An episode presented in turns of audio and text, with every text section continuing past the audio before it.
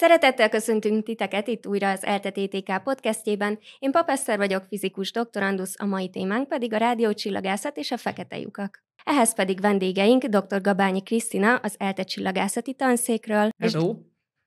És, dr. Frey Sándor az ELKH Konkoly Tegel Miklós Csillagászati Intézet munkatársa. Köszönjük, akik hallgatnak vagy néznek minket. Köszöntelek titeket itt a stúdióban. Mindketten asztrofizikusok vagytok. Mivel foglalkoztok ezen belül?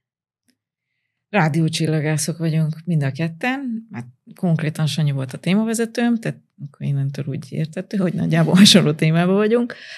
A rádiócsillagászat ugye az elektromágneses hullámhoz tartománynak a hosszú hullámhosszú része. Az előnye hasonló az optikai csillagászathoz, hogy a légkörünk nagy részt áteresztő ebben a tartományban, tehát könnyedén a föld felszínről lehet rádiócsillagászati méréseket végezni. Szemben mondjuk egy nagy energiás sugárzással, mondjuk a röntgen vagy UV-sugárzással, mert az emberiség nagy örömére nem jut át a légkörön, ezért vagyunk itt. De a csillagászok ennek nem örülnek annyira, mert műholdakra kell helyezni olyan műszereket, amik ebbe a tartományban akarnak méréseket végezni. Szóval rádiócsillagászattal fogunk mind, foglalkozunk mindketten, és rádiócsillagászati műszerekkel vizsgáljuk az aktív galaxis magokat. És akkor most át is adom, hogy akkor sem Esetleg még annyit, kicsit tovább. Annyit érdemes még a rádiócsillagászatról elmondani, hogy ez olyan nagyon komolynak hangzik, olyan nagyon régi tudományágnak, de ez nincsen még 90 éves sem. Tehát amikor az első alkalom, amikor rádióhullámokat detektált egy Karl Jensky nevezetű amerikai mérnök 1930-as években, azelőtt a csillagászati megfigyeléseket csak a látható fénytartományában végezték, és azóta nyílt meg egy újabb ablak a, a világegyetemre tulajdonképpen. Ugye a rádiócsillagászat ugye ez egy nagyon széles tudományterület, és azon belül mi leginkább egy, egy interferometria nevezetű technikával szoktunk dolgozni. En, ennek a megértéséhez nagyon egyszerűen csak annyit érdemes felidézni, hogy egy, egy uh, akármilyen távcsőnek a felbontása, az függ attól, hogy egyrészt, hogy mekkora nagyméretű távcsövet tudunk építeni, tehát minél nagyobb, annál jobb a felbontása, másrészt pedig függ a, a, a, a sugárzásnak a hullámhosszától, minél rövidebb a hullámhossz, annál jobb a felbontás. Na most a rádiócsillagászok itt nagy bajban vannak, mert a, mert a rádióhullámoknak a hullámhossza az sok nagyságrendel nagyobb, mint, a, mint a, az optikai hullámhosszak, ezért ahhoz, hogy én ugyanolyan felbontást tudjak elérni egy rádiótávcsővel, mint egy optikai távcsővel, ahhoz nekem hét nagyságrendel nagyobb távcsövet kéne építenem. A másik kedvenc hasonlat, amit talán jobban érthető, hogy eh, ha én építek egy 100 méteres rádiótávcsövet, ilyenek vannak egyébként, egy-kettő a világon, akkor annak a szögfelbontása az pont olyan, mint az én szememnek a, fel, a, a felbontása optikai tartományban, vagyis hát azért eléggé gyenge. Most erre, erre azt a trükköt találták ki eh, egy olyan 60-as években. 60-as években, hogy több rádiótávcsövet hálózatba kötnek, és akkor ezek, ezek koordináltan ugyanazt a égterületet nézik, és ezeknek az adatait össze lehet kombinálni egy számítógépes eljárással tulajdonképpen, és akkor ezzel legalábbis a felbontás szempontjából egy akkora távcsövet tudunk építeni, egy virtuális távcsövet, mint amekkora ezeknek a, egy különálló távcsöveknek a távolsága. Uh-huh. A, nem, innentől nem a tányérnek a mérete határozza meg a felbontást, hanem a, tá- a távolság ezek között, az antennák között. És akkor ezt utána azt is meg lehetett már csinálni, hogy ezeket nem kellett valós időben összekötni, hanem mondjuk az adatokat lehetett rögzíteni mágneses adathordozókon, és utána utólag összeszállítani egy számítógép központba, és ott előállítani ezt az interferenciát. Tehát ezzel egy földméretű, tulajdonképpen egy földméretű rádiótávcsövet lehet előállítani, és akkor ezzel a rádiócsillagászok a saját hátrányukat azt előnyük, előnyükre fordították, mert ez a csillagászatban az a technika, amivel a legjobb felbontást el lehet manapság érni. És mit terelt titeket ebbe az irányba? Miért választottátok ezt a területet? Vagy hogyan? Mert nem is biztos, hogy sokszor megvan a miértje. Hát lehet, hogy ezt hát... nekem kéne kezdenem, mert a, csak a koromnál fogva. Jó. Engem, engem azt terelt ide, véletlen egyébként, vissza is kérdezhetnék, az a rossz szokásom az ilyen interjúkban, hogy vissza szoktam kérdezni, hogy téged mit terelt ahhoz a, ahhoz a témához, amivel foglalkozol. Vissza lehet fejteni, és akkor kiderül, hogy valamilyen véletlen. Hát engem azt terelt, hogy amikor a, a, a majdani témavezetőm, meg a munkai főnököm az, az keresett egy új, újonnan létrehozandó csoportjához hallgatókat, akkor, vég, akkor voltam én végzős csillagász hallgató itt az egyetemen, és akkor bejött a tanszékre, és megkérdezte az akkori tanszékvezetőt, hogy ajánljon valakit, akivel esetleg ezt akit föl, vagy beszélni tudna, vagy megkérdezni, hogy az érdekli, és akkor engem ajánlott. Tehát ez ennyi. Hát igen, ezért mondtam, hogy nem is mindig van meg a miértje, de nem általában... Valamiért, de általában nem, nem valamilyen tudatos. Hát azt nem, nem, nem mondhatom el, hogy én gyerekkorom óta rádiócsillagásznak készültem, mert a, nem sok fogalmam volt nyilván középiskolás koromban, hogy van rádiócsillagászat. Az más dolog, csillagásznak készültem igazából, tehát az már, az már így, az már középiskolás koromra kialakult. De a Krisztina meg aztán valami hasonlót fog elmondani, csak néhány évtizeddel később. Hát én nagyon lusta voltam, és, és nem szerettem sokáig ébren maradni éjszaka, és amikor voltak ilyen optikai megfigyelések ott állni a hidegbe, nagyon szép, gyönyörű szép, dolog, de én, én egy lusta gyerek voltam, és amikor kiderült, hogy rádiócsillagaszatot nappal is lehet csinálni, akkor az azért, az azért nagyon segített. De emellett a, egyébként annó még volt egy IPM, lehet, hogy most is van magazin, és abban volt egy cikk a neutroncsillagokról, és az nekem rettenetesen tetszett, és aztán kiderült, hogy pulzárok vannak, és rádiótartományban lehet megfigyelni, és aztán soha többet nem foglalkoztam ezzel a témával, de, de ez úgy megszerettette velem ezt a területet. És ti miket szoktatok megfigyelni a rádiócsillagász, a rádió hullámokkal? A, a, leg, a leginkább ugye ennek a, ennek a nagyon hosszú, ezt úgy hívják, hogy nagyon hosszú bázisvonal interferometria, többet nem fogom kimondani, VLBI az angol rövidítése. Tehát ezzel a technikával főleg olyan rádióforrásokat lehet megfigyelni, amelyek nagyon, nagyon-nagyon kis térészből borzasztó nagy teljesítménnyel sugároznak, tehát nagyon fényesek. És ezeknek a, a legjobb példája azok az aktív galaxismagok, vagy kvazárok, amelyek nagyjából úgy működnek, hogy van egy galaxis közepén egy borzasztó nagy fekete lyuk, majd úgy is fogunk fekete lyukakról beszélni, hogy ez micsoda, és azok a fekete lyukak, azok valamilyen anyagot fognak be a környezetükből, beszippantanak. Ennek az anyagnak egy része nem végzi a fekete lyukban, hanem annak a forgástengelye mentén, a mágneses erővonalak mentén kidobódik, méghozzá nagyon nagy, a fényéhez nagyon közeli sebességgel, ezek ilyen elektromosan töltött részecskék. Ugye aki tanult fizikát, vagy még fog, azt tudja, vagy fog, tudni fogja, hogy a töltött részecskék, hogyha gyorsulnak, akkor azok elektromágneses sugárzást bocsátanak ki, és ez a sugárzást jelenik meg a rádiótartományban. Ezt tudjuk ezekkel a rádiótávcsövekkel megfigyelni, és ez az kell, hogy ezek, ezek tényleg borzasztó fényesek legyenek, tehát ezek ilyen sok milliárd fényévre vannak tőlünk, 10 milliárd fényévre, és akkor még mindig látjuk, vagy hát látjuk, ugye látja a rádiótávcső, ennek a, föl tudja fogni ennek a sugárzását. Tehát mi, mi ezeket figyeljük meg. Ezek közül is leginkább azokat, amelyek a legtávolabb vannak, tehát a legtávolabbi ismert ilyenek a szinte a belátható univerzumnak a határán. Ezek még egyébként annyira fényesek, hogy ezek még onnan is ide látszanak. És ti egyébként együtt kutattok? Igen, igen, nagy részt közös, közös munkákat viszünk, igen, igen. A másik terület, amit meg én próbálkoztam egy kicsit olyan aktív galaxis magokat keresni, ami nem is egy van, hanem mindjárt kettő, és hogyha az egyik rádiósugárzó, akkor lehet-e látni a másiknak a hatását a rádiósugárzáson, vagy esetleg, ha mind a kettő rádiósugárzó, akkor meg lehet ezeket figyelni. Ugye ennek az alapötlete onnan jött, hogy a galaxisok fejlődés, ugye ezek a szuper nagy tömegű fekete lyukak, amik az aktív galaxis maguk energiáját adják végül is, galaxisok középpontjába helyezkednek el. És a mai elképzelésünk az, hogy a ma látható galaxisok azok kisebbek összeolvadása során jöttek létre, emiatt logikusan gondoljuk azt, hogy azokban lévő szupernagy tömegű fekete lyukak is találkoztak egymással, és akár kötött kettős mhm. rendszert alkottak, vagy esetleg aztán később össze is olvadnak.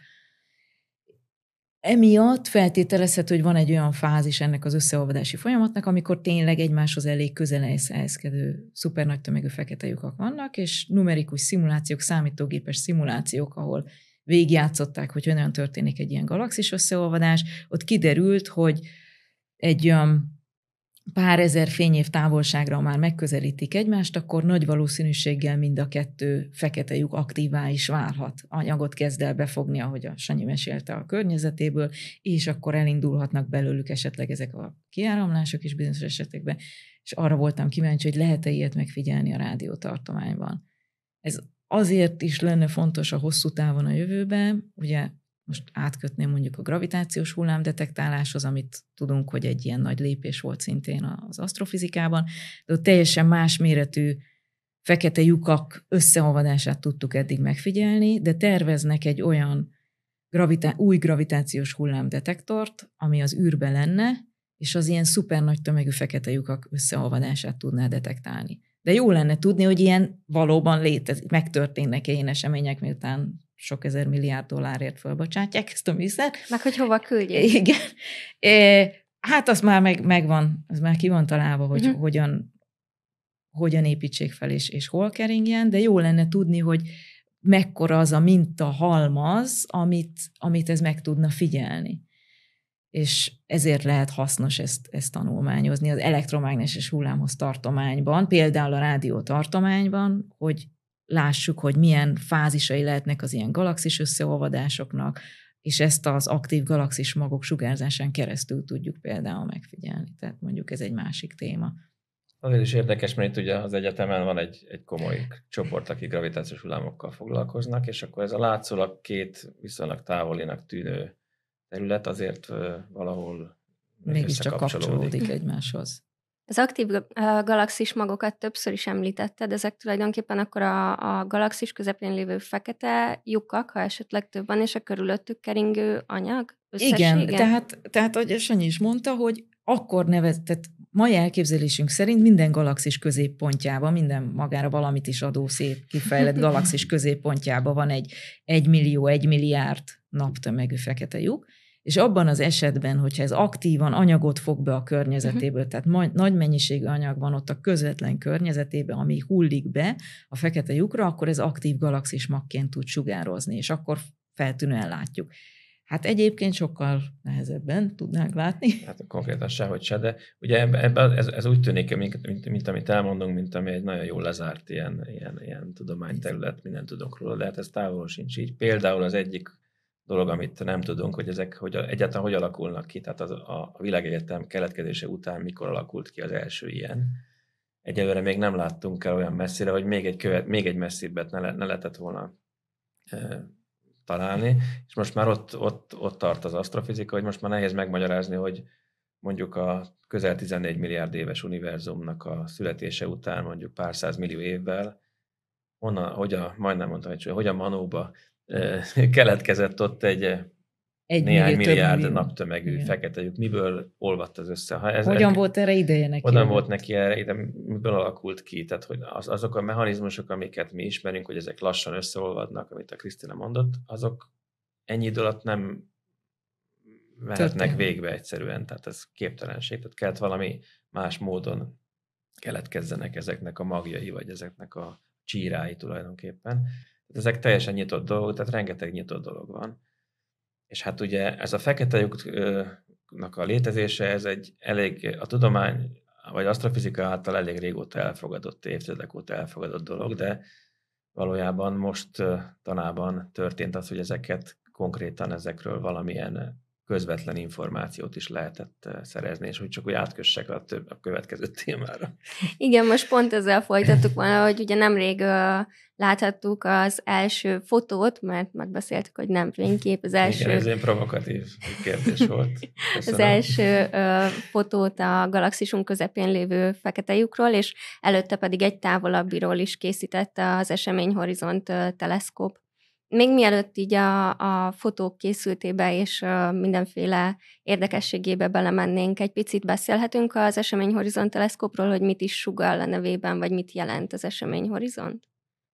Hát azt, hogy olyan nagy fel, hát elkezdem mondani ezt, amely kiegészített, hogy olyan nagy felbontást lehet ezzel a távcső hálózat rendszerrel, ugye ez egy darab műszer, hanem több rádiótávcső egy rendszerbe kötve, olyan nagy felbontást, olyan finom szögfelbontást lehet vele elérni, hogy a fekete lyuk közvetlen környezetét meg tudjuk figyelni, konkrétan ez a fekete lyuk árnyék jelenséget, tehát azt, a, azt az utolsó tartományt, az esemény horizontot a fekete lyuk körül, ahonnan még a fotonok el tudnak szökni. Ugye azért látjuk ezt a fényes ívet nagyjából, bent meg azért látunk feketeséget, mert onnan már nem tudtak elszökni. Tehát én ez egy kicsit, kicsit leegyszerűsíti. Kicsit leegyszerűsíti de, a dolgot, de... de... De, de igaz, tehát az esemény horizont az, az, a, az a tartomány egy ilyen fekete lyuk környékén, ahonnan már a fény sem tud elszökni. Ezért, ezért is ilyen, ilyen plastikus kifejezés ez a fekete lyuk, tehát az önmagában azt nem látjuk. Most ugye mit látunk akkor, szokták már általában megkérdezni, hogy jó, jó fekete lyuk, de akkor mit látunk? A, a fekete lyuk környékén az a borzasztó nagy erős tömegvonzás, az, az a fény részecskéjének az útját, a fotonok útját az eltéríti. Tehát tulajdonképpen amit mi látunk, azok, ott, azok a, a, a, a fotonok kóvályognak ott a fekete lyuk körül, és akkor némelyik ugye a felénk indulva hagyja a mhm. rendszert. Most na, nagyon próbálom leegyszerűsíteni, pláne, hogy képeket nem tudunk mutatni. Marik talán mindig azt mondta, hogy a, a, a előadás lényeg a képmutatás. na mindegy, szóval, hogy, hogy, hogy a fekete környezetében felforosodott sugárzó anyagnak a sugárzását látjuk, és a középen meg nem látunk semmit, mert onnan az a, az a, az a, de, és, és, és, ez, az, és ez a, ez a képzeletbeli felület az esemény horizont, és erről nevezték el tulajdonképpen a, ezt a távcsőrendszert, mert eleve azért hozták létre, hogy ilyen méréseket. Ugye ezt kiszámolták erről, hogy egy mekkora felbontás kellene ahhoz, hogy ott tényleg van egy ekkora fekete lyuk, és tényleg az a, az, a, az a modell érvényes, amit mi hiszünk, akkor ennek így kéne kinézni, és akkor megnézték, és ilyen, tényleg így nézett ki. Persze, hogy ez nem ennyire egyszerű, tehát ezekből a mérésekből azt is meg lehet mondani, hogy azok a feketeknek mekkora a tömege. Ugye minél nagyobb a tömege, annál nagyobb az esemény horizontja, tehát uh-huh. annál nagyobbnak látszik az égen tulajdonképpen. Aztán, hogyha, hogy ez forog-e vagy nem forog, attól függően másképpen fog körülött ez a, ez a fénygyűrű, vagy tehát fény, hát rádió, hullámgyűrű, vagy a sugárzási tér alakulni. Tehát ezekből a mérésekből ki lehet, vissza lehet következtetni arra, hogy az a, az a fekete lyuk, amit ott látunk, az milyen. Valójában. Tehát akkor igazából, hogyha mondjuk valaki csináljunk egy gondolatkísérletet, oda tudna menni nagyon közel egy fekete lyukhoz, akkor öm, a rádió hullámokat nem látná, mert ugye arra nem érzékeny a szemünk, de hogy akkor ezek azok, amik ezeken a nem fényképeken, igen, de fotókon igen. megjelennek. Igen, de ezek, ezek se nem fénykép, se nem fotó, mert ezeket, hogy a fényképre azt gondolja, hogy leveszünk a mobilunkat, és akkor kattintunk uh-huh. egyet, és akkor egy fényérzékeny anyagra megjelenik közvetlenül egy kép. Itt, itt, itt, itt ennél bonyolultabb dolog van, mert ugye itt, itt egy rádiótávcső hálózatnak a tagjainál vesszük az elektromágneses sugárzást, oda beérkezik, és ezeknek, ezeknek a korrelációját, tehát összefüggését számoljuk ki, és akkor ebből tulajdonképpen egy ilyen inverz, visszakövetkeztetünk arról, hogy milyen lehetett Tehát az, az a kép, kép, amiből ezek a jelek jöttek. Ez, ez a visszakövetkeztetés egyébként nem egy túl egyszerű dolog, mert úgy kell elképzelni egy ilyen földméretű rádiótávcsőt, hogy van Antarktiszon is van egy, meg Dél-Amerikában is van egy másik, meg, meg és, akkor, és akkor van itt, itt ott, amott, mondjuk tíz darab, de ez, ez messze nem, nem olyan, mint a, a, a az a CCD kamera, ami benne van a videokamerában, vagy az a chip, ami, tehát ugye nem, nem, nem direkt Persze. keletkezik rajta a kép, hanem egy ilyen matematikai eljárással. De persze lehet mondani, hogy fénykép, csak amikor ezt mi meghalljuk, akkor általában égnek áll a sző Tehát milyen, milyen mert... fényképező gép az, amely 2017-ben lenyomod az exponáló gombot, és 2022-ben mutatod be a képet, ami készült vele. Igen, szóval bonyolult, és hát ez meg pláne, pláne különösen bonyolultak ezek a, ezen, ezen, a, ezen a rövid hullámosszon már a, a földi légkörnek a, a hatása se elhanyagolható, tehát nem véletlen vannak ezek a ezek a fajta távcsők, amik ebben az eseményhorizont távcsőben vannak, ezek, ezek vagy nagyon magas helyen, tehát vagy, vagy, vagy borzasztó száraz helyen, mint az Antarktisz, ahol a vízpárat, uh-huh. vagy a levegő páratartalma nagyon kevés, tehát az, az, az nagyon akadályozza ezeknek a, a rádióhullámoknak a leérkezését. Úgy hozzávetőlegesen lehet tudni, hogy milyen méretű adat keletkezik ahhoz, hogy, hogy tudjanak csinálni egy ilyen képet. Hát maga az adat... Petabájtokba, igen, petabájtokba mérték a nyers adat mennyiséget. Tehát ugye ez a teránál következő nagyságrend. Ugye minden, minden egyes távcsőnél keletkezik egy csomó. egy csomó adat, utána azokat össze kell szállítani, Ugye a, a probléma például az Antarktisznál az is volt, hogy a, amikor nem. ezt az méréseket végezték, akkor ott Antarktiszon ugye volt. tél volt, tehát éjszaka, tehát sose kelt fel a nap a horizont fölé. Ugye Antarktiszon akkor ilyenkor nem lehet repülőgéppel leszállni, meg, uh-huh. tehát hogy nem lehetett a, a diszkeket elvinni onnan egy dará, egy jó pár hónapig. Mondjuk ez még az öt évből, még ez még mindig csak egy kevés. De hát ugye ennek, ennek a feldolgozása ez, ez borzasztó bonyolult volt, úgyhogy ezért először két évvel, két évvel ezelőtt, három évvel ezelőtt egy másik fekete lyukról készült képet mutattak be először. Ez az M87. 2019 2013 évvel ezelőtt lassan, amelyek egy, egy az tényleg szuper nagy tömegű, tehát az, az sok milliárd naptömegnyi fekete lyuk, egy viszonylag nem túl távoli galaxisban. Miért, ugye miért, miért ez volt a célpont, az első célpont, mert ez, egy, ez, egy, ez tényleg egy borzasztó nagy fekete lyuk, ergo nagy az esemény horizontja, ezzel a felbontással ki lehetett számolni, hogy ezt, ott, ott van remény ennek a, ennek a megfigyelésére.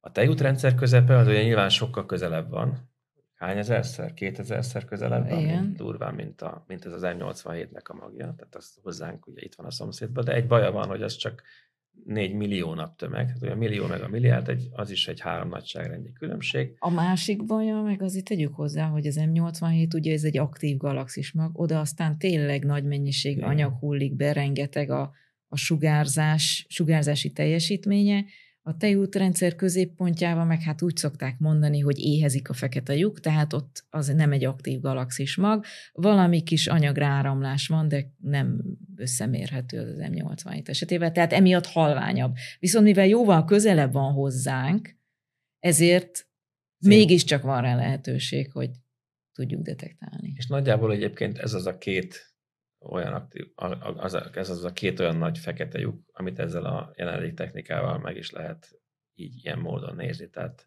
több ilyen, hogyha a, a hallgatók, nézők látták ezeket a képeket, biztos látták, akkor ezek ilyen, ilyen fánkszerű, narancságára színezett kis gyűrűk.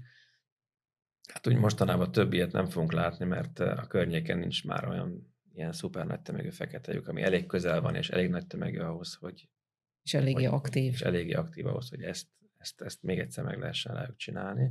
Ugye mi, mi, akkor mi, mi indokolja, hogy még a, az M87 és, az, és a tejútrendszer középpontja között eltelt három év a, a képalkotással, ez, ez, az, annak, annak pedig az az oka, hogy a saját galaxisunk közepében lövő kicsi, viszonylag kicsi fekete lyuk, hát kicsi, hát mondjuk pár millió, millió naptömeg bagatel, a, annak, annak a környezetén sokkal gyorsabban változik ha most visszatérünk az által nem szeretett fotós hasonlathoz, akkor az exponálási idő alatt az bemozdul, vagy hogy mondjam. Tehát, mi, meg, tehát hogy ne, nehéz róla annyi, rövid idő alatt annyi e, információt gyűjteni, hogy abból egy szép kép így, így összeálljon. Tehát ezért volt nehéz ezt, akik ezen dolgoztak. Egyébként ez valami 300 emberes uh-huh. projekt volt. Azoknak a szakcikkeknek, amik, amik ebből megjelentek, azoknak kb. ilyen 300 szerzőjük van és ez többféle, több, külön, több független csapat is dolgozott ezeken az adatokon, egymástól függetlenül, tehát hogy biztosak legyenek benne, hogy mit kapnak, az, az hihető. Hát ugye ez a feldolgozás az eltart, meg, a, meg az eredménynek a... Egymás meggyőzés. Me, egymást meggyőzni, hogy ezt tényleg ezt látjuk, tehát akkor ez, ez, ez ennyi ideig tartott. És van, van valami érdekesség számotokra ezeken a, a képeken, vagy most már nem tudom, hogy minek nevezzem őket, biztonság. A kép az jó, az teljesen jó. Hát azért, azért szép dolog, hogy ilyet. Az, az ember elképzeli, persze, meg vannak is rajzok, hogy, hogy meg amikor hallgatóknak tanítjuk, hogy hogy néznek ki az aktív galaxis maguk, de azért ténylegesen látni ezt egy, egy, egy képen, ami mérésen alapul, és nem valami szimuláción, az azért úgy, úgy jó lesően megnyugtató egy kicsit. A, a, érdekes Meg módon a, a, tejút, a tejútrendszer közepében levő fekete lyuknak a felfedezéséért néhány éve fizikai Nobel-díjat adtak, de hogyha visszaolvasod annak a Nobel-díjnak az indoklását, akkor, akkor nem, az van, hogy fekete, nem az van benne, hogy fekete lyuk egyébként, hanem az, hogy egy nagyon kompakt objektum. Uh-huh. Tehát, hogy, hogy, ez, hogy ez tényleg uh, itt a, mert az ja, egy indirekt ez, ez, ez, ez, A fekete lyuk, ez, egy, ez egy relativitás elméleti jóslat tulajdonképpen, ami hát ugye mondjuk a tejútrendszer közepében van, középpontja körül keringenek olyan nagyon közel keringenek hozzá olyan csillagok, amelyeket infravörös tartományban meg lehetett figyelni, és, és hosszú éveken át, tehát lényegében a pályájukat meg lehetett, volt olyan csillag, amelyiknek egy teljes ellipszis pályát, amit megtett néhány év alatt, azt, és több ilyen pályát, tehát abból, abból kvázi egyszerű Kepler törvényekkel ki lehet hozni, hogy mekkora tömeg vonzó centrum van a köz, középpontjában. És azt is meg lehet mondani, hogy hát ha ott kering egy csillag, ugye akkor annál kisebbnek kell lenni annak a bizonyos vonzó centrumnak, ami körül kering, meg ha nem lenne, akkor, akkor ugye miről beszélünk. Tehát e, igazából minden más lényegében ki, lett, ki volt már zárva, de azért, azért a közvetlen bizonyíték, amit ezek a, ezek a képek sugár, vagy adnak, azok, az eddig nem volt. Tehát ez benne igazából a, a nagy durranás. És akkor, hogyha ha jól értem, ez a szín, ez teljesen csak egy választás Abszolút, Persze. Ez, egy, ez, egy, ez egy hamis színezés. Tehát hamis mint színezés. ahogy minden rádiókép. Az, Vagy az minden nem szín. optikai tartományba Igen. készült kép esetén azt mondjuk, hogy hamis színes, tehát a színskálával csak azt jelezzük, hogy hol nagyobb az intenzitás, meg hol kevesebb. Tehát itt, ahol a sőt, fehér felé sőt, megy a hát már az optikai tartomány is, ugye a, a Hubble űrtávcsőnek a képei, azok, azok gyönyörű, ez legendásan, azokat mindenki imádja. A mögött egy komoly tudomány van, hogy azt hogy színezik. Tehát a, a, egy, egy, egy, egy, egy űrtávcső egy adott színszűrővel mondjuk egy, egy viszonylag szűk tartományban egy lényegben egy fekete-fehér képet csinál, egy intenzitás.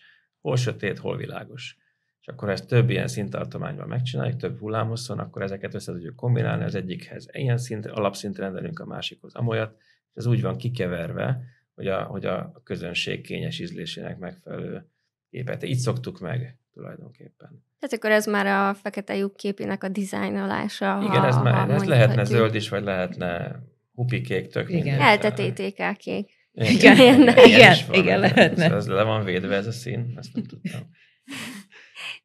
Ugye azért az egy nagy, nagy felfedezés, vagy hát egy nagy teljesítmény, hogy ezt a kettő képet ö, meg tudták csinálni a teleszkóppal, de az Eseményhorizont teleszkóptól várhatunk még valami mást? Hát nem csak várhatunk, hanem volt is egyébként a kettő bejelentés között is egy, egy kép, amit bemutattak, csak hát ugye ez nem, nem volt, nem tűnt ekkora duranásnak a nagy közönségnek, pedig nekünk azért, vagy nekem legalábbis tetszett. Tehát olyan aktív galaxis maguk esetén, ahol ugyan nem tudjuk az esemény horizontot ugye felbontani, mert nem elég jó a felbontásunk, hogy ennyire közel a fekete lyukhoz eljussunk, viszont ennek a, amiről a, a podcast elején beszéltünk, ennek az anyagkiáramlásnak, a plazmanyalábnak, ami a fekete lyuk közelében alakul ki, annak a környezetét tudjuk ö, ö, leképezni, a finom szerkezetét tudjuk, tudjuk megnézni, és például ö, egy ö, ilyen képet már mutattak egy aktív galaxis magról, ami azért volt nagyon érdekes, hogy korábbi mérések alapján volt egy elképzelésünk, hogy milyen irányba indul ki ez a plazma kiáramlás, és ez, ami azért sokkal jobb felbontás, és a sokkal inkább koncentráltabb régiót mutatja, ez azt mutatja, hogy szinte erre merőlegesen indul a belső régiókba. Tehát valahol egy hatalmas nagyot fog kanyarodni.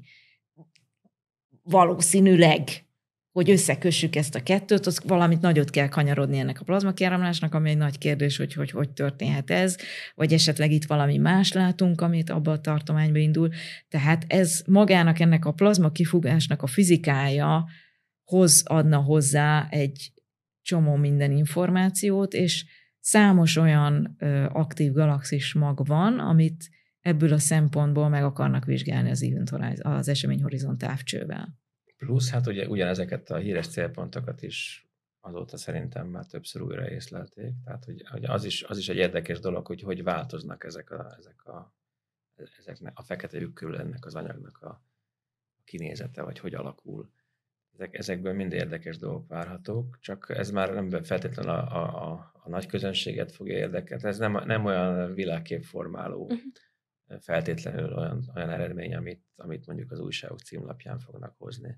És a várakozásaitok szerint ezek változnak nagy mértékben, vagy inkább... Persze, hát Igen. persze, persze. Nagyon rövid, tehát ugye a tejútrendszer közepében levő fekete lyuknak a környezete az nagyon gyorsan változik. Uh-huh. Az ilyen fél órás nagyságrendben. De, de, de, de az is érdekes volt, hogy a, ennek az eseményhorizont távcső hálózatnak voltak korábbi mérése, amikor még nem volt bennük annyi antenna, meg nem volt olyan érzékeny, és valami nagyon, nagyon egyszerű, primitív modelleket azért föl tudtak állítani, és akkor egy ilyen furfangos visszafelé gondolkodással, miután megvolt a kép, a kép utána az előző éveknek az adatait újra elemezték, uh-huh. és akkor hát modellezték, hogy akkor hogy nézhetett ki a kép, a ha kép, tudtak volna ha, képet alkotni ha tudtak volna képet, de most már tudják, hogy, hogy hogy milyen a képe, és akkor vissza, valahogy visszafejtegették. Hát ez egy ilyen érdekes ilyen kísérlet volt, és akkor akkor azon is látszott, hogy ezek bizony az egyes években sokkal, tehát hogy Máshogy sokat változott. nézett ki ez a gyűrű, másod volt a fényesebb rész, egy ilyen kis mozit, kis filmet Igen, egy kis vágtak film. össze az M87. Tehát az aztán végképp tényleg egy ilyen modellezés gyűrűről. Volt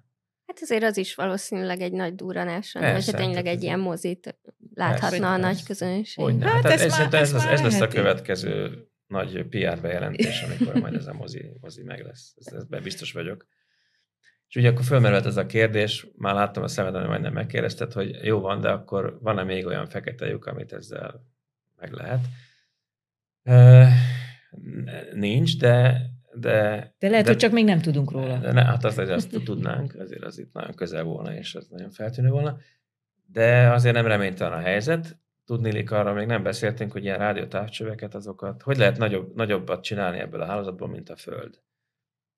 Valamelyiket ki kell küldeni. Bizony, egy, egy, egy műoldra tesszük, és akkor ott van egy rádiótávcső. Ez a, ez a centiméteres hullámos tartományban egyébként működött, és mi is dolgoztunk ilyen, ilyen, ilyen műoldas adatokkal, és a tervekben az van, hogy, hogy ezen a nagyon rövid ilyen milliméteres hullámhosszakon, ahol ez, a, ez az eseményhorizont távcső működik, lehetne ilyen műoldakat csinálni, és akkor tulajdonképpen kiterjesztenénk a rázum, még jobban rázumolhatnánk, és akkor egy kicsit kinyílik a távolságban, kinyílik a világegyetem, és akkor már lennének egy, lenne egy néhány további olyan Objektum. ilyen aktív galaxis, meg szuper nagy tömegű fekete lyukkal, amelyek egy kicsit távolabb vannak, de azzal a felbontással már őróluk is lehetne képet csinálni, de hát azért ez, ez azért eléggé a jövő zenéje, ezek azért ezek drága dolgok, meg technikailag sem könnyű megoldani, de már vannak ilyen tervek, tehát mondjuk néhány évtized múlva ez már valószínűleg ez egy realitás lesz.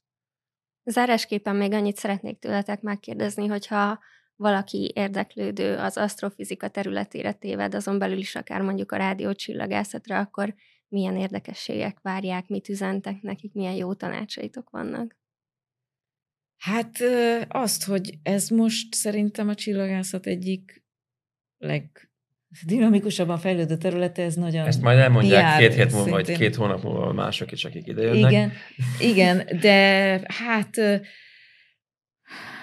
a rádiócsillagászattól talán annyit, hogy van egy kétfél éves kurzus, amit itt tartunk az egyetemen, tehát ezt, tehát kell, hogy mondjam, kétfél évet is meg lehet tölteni vele, és az még mindig érdekes. Mondjuk ezt a hallgatóktól kéne megkérdezni, de szóval a rádiócsillagászatban az érdekes, hogy nem csak ezeket a távoli galaxismagokat lehet velük vizsgálni, hanem akár, akár a naprendszerben is lehet velük olyan, olyan, olyan technikával, vagy ezzel a, ezen a hullámhosszon olyan dolgokat művelni, amik, amik érdekesek, és, és onnan és végig, tehát a galaxisban rengetegféle rádióforrás van, és a, a galaxison túl is.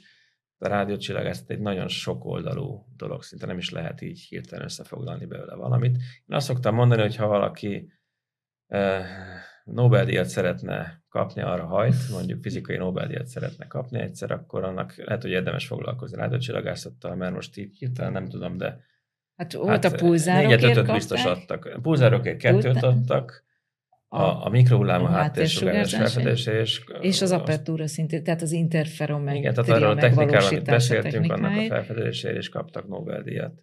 Tehát, De a mikrohullámú háttérsugárzásnak a felfedezését is, és aztán a, az elméleti a, a, a, a, a, a, a, a kutatásáért is adtak Nobel-díjat. Tehát már itt már legalább ötöt össze gyűjtöttünk, így hirtelen pedig nem is készültünk rá. Úgyhogy Mindezt mondom 89 év alatt, mert a 89 éves a tudományák, tehát valakinek otthon még a, még a valamelyik felmenője még lehet, hogy még, még, még idősebb, mint maga a rádiócsillagászat. Ezt, ezt is szoktam mondani, ezt még egy pár évig el lehet mondani. De aztán, aztán, igen. aztán már én sem leszek, aki mondhatom. Úgyhogy.